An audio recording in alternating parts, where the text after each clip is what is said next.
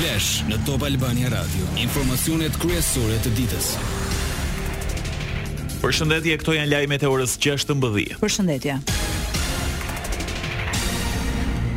Kaos, zhurmues, përplasje, deri edhe tentativa shkuljeje mikrofoni. Këto ishin pamjet e ofruara sot nga Komisioni Parlamentar i Medias, ku pati debate të forta mes opozitarëve.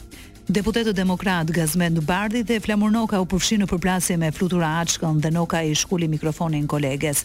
Ndërsa Açka drejtonte mbledhjen si kryetare e Komisionit të Mediave, deputetët hynë në sallë dhe ndezën zhurmues.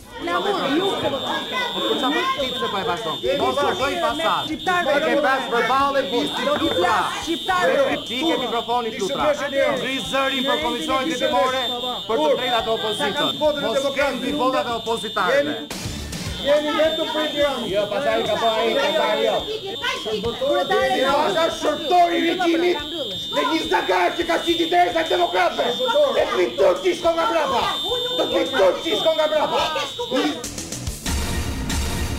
Flutura Açka dha një deklaratë për mediat duke vënë në dukje se përplasja me kolegët nuk është gjest i mirë dhe se kjo formë e të bërit opozitë nuk çon gjëkundi. Kam bërë betejë me zotin Bardhi dhe kolegë të tjerë. Dhe jam në betejë me ta opozitare, por ne kemi qasje të ndryshme. Për mua, ne duhet të flasim, kjo është detyra jonë dhe për të denoncuar këtë qeveri. Jo për të bërë lëvizur karrike dhe për të bërë zhurmë dhe nuk na dëgjon askush. Lidhur me aksionin me zhurmues të një pjese të opozitës reagoi edhe Lulzim Basha i cili shkroi, Turp për këta burrecë të vegjël, mendojnë se duke sulmuar zonjat me dhunë verbale tregojnë forcë. Kjo vetëm provon se sa të dobët janë. Kryetarja e Kuvendit Lindita Nikolla dënoi sjelljen e deputetëve Gazmend Bardhi e Flamur Noka ndaj drejtueses së Komisionit të Medias Flutura Açka. Për kryeparlamentaren ky sulm i paprecedent ndaj një zonje deputete është shumë më tepër se shkelje e rregullores së Kuvendit dhe etikës së sjelljes së deputetit. Dhuna e ushtruar prej deputetëve Bardhi dhe Noka i kaloi caqet e dhunës verbale, për këtë flasin pamjet e transmetuara nga media, tha Nikolla. Sali Berisha dhe dhëndri i tij Jamarbër Malltezi pritet që të merren në pyetje javën tjetër për privatizimin e klubit Partizani. Seanca ishte parashikuar sot për Malltezin dhe nesër për ish-kryeministrin, por me kërkesë të avokatëve SPAK pranoi shtyrjen. Tashmë Prokuroria e Posaçme ka vendosur që më njëzet e tre janar të marrë në pyetje Berishën e më njëzet e pesë janar të pyetet dhëndri i tij. Top Albania Radio. Pas shtatë muajsh thirrje qeveria është ulur në tryezë me kompanitë fason që punojnë me material porositës. Palët u pajtuan për vijimin e transformimit që sektori të shndërrohet në industri me cikël të mbyllur, duke e marrë produktin nga materiali dhe deri në prodhimin e plotë të tij. Ndryshe nga sot ku vetëm një pjesë përpunohet në vendin tonë, Por qeveria ka refuzuar çdo thirrje për subvencionim të drejtpërdrejtë. Sipas postimit të kryeministrit Rama, nga takimi me bizneset fasone, koha e pagave të ulëta ka përfunduar. Nga shtëpia e biznesit, Rama njoftoi se qeveria do t'iu ofrojë kompanive të mëdha të sektorit mbështetje që synojnë përmirësime në teknologji dhe inovacion. Është paralajmëruar një skemë ku ndërmarrjeve do t'i ofrohet kredi me garanci nga shteti për të bërë investime, ndërkohë qeveria synon të financojë ngritjen e një akademie profesionale në manifakturë si dhe për trajnimin e punonjësve. Fermerët e bashkive Peqin, Rrogozhinë dhe Kavajë këtë verë nuk do të kenë më shqetësim ujitjen e tokave të tyre bujqësore. Në bashkëpunim me njësitë vendore, qeveria ka nisur nga puna për rehabilitimin e kanalit ujitës Peqin-Kavajë. Punimet për këtë vepër u inspektuan edhe nga drejtuesi politik i Partisë Socialiste për qarkun e Tiranës, Erion Veliaj. Në drejtimin e kryeministrit, Shqipëria ka bërë një kthesë të jashtëzakonshme kur vjen puna ke turizmi bujqësia.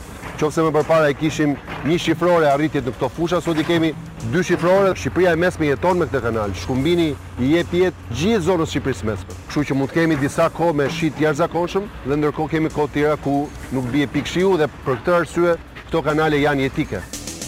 Veliaj shtoi. Kur ecën bashkë infrastruktura dhe kultura, vërtet kemi bërë një vepër që do ngelet. Po të kemi mentalitet fitues dhe mentalitet pastërtor për këtë akt patriotik që është bujqësia dhe turizmi, atëherë kemi kuptuar që sot dashurinë ndaj atdheut nuk e shpjegojmë dot me flatra dhe në stadium, dashurinë ndaj atdheut duhet me e shpjegu, atdheu është ky kanali këtu, sepse me këtë pjesë të atdheut jeton mirëqenia edhe lulëzon mirëqenia e gjithë Shqipërisë me.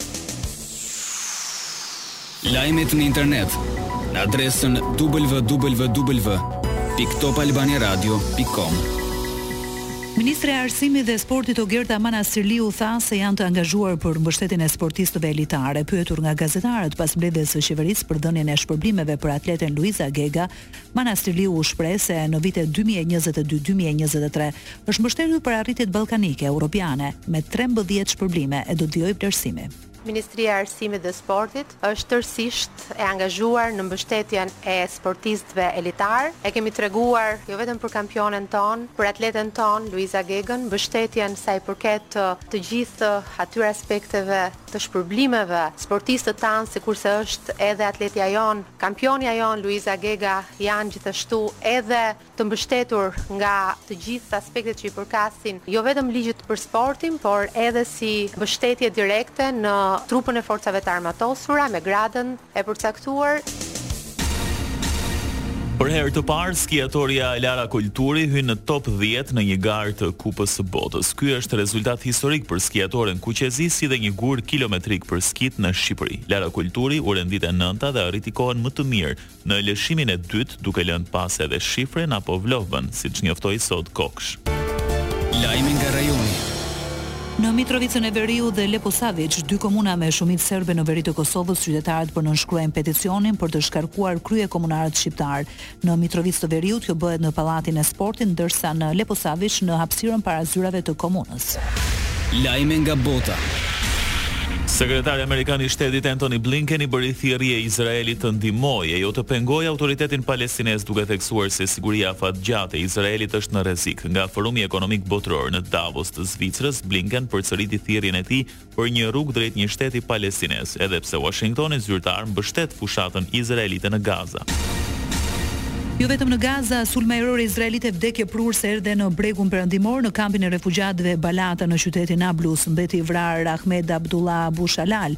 Gjysmëhëna e kuqe palestineze tha se forcat izraelite nuk lejuan mjekët që të shkonin në vendin e ngjarjes.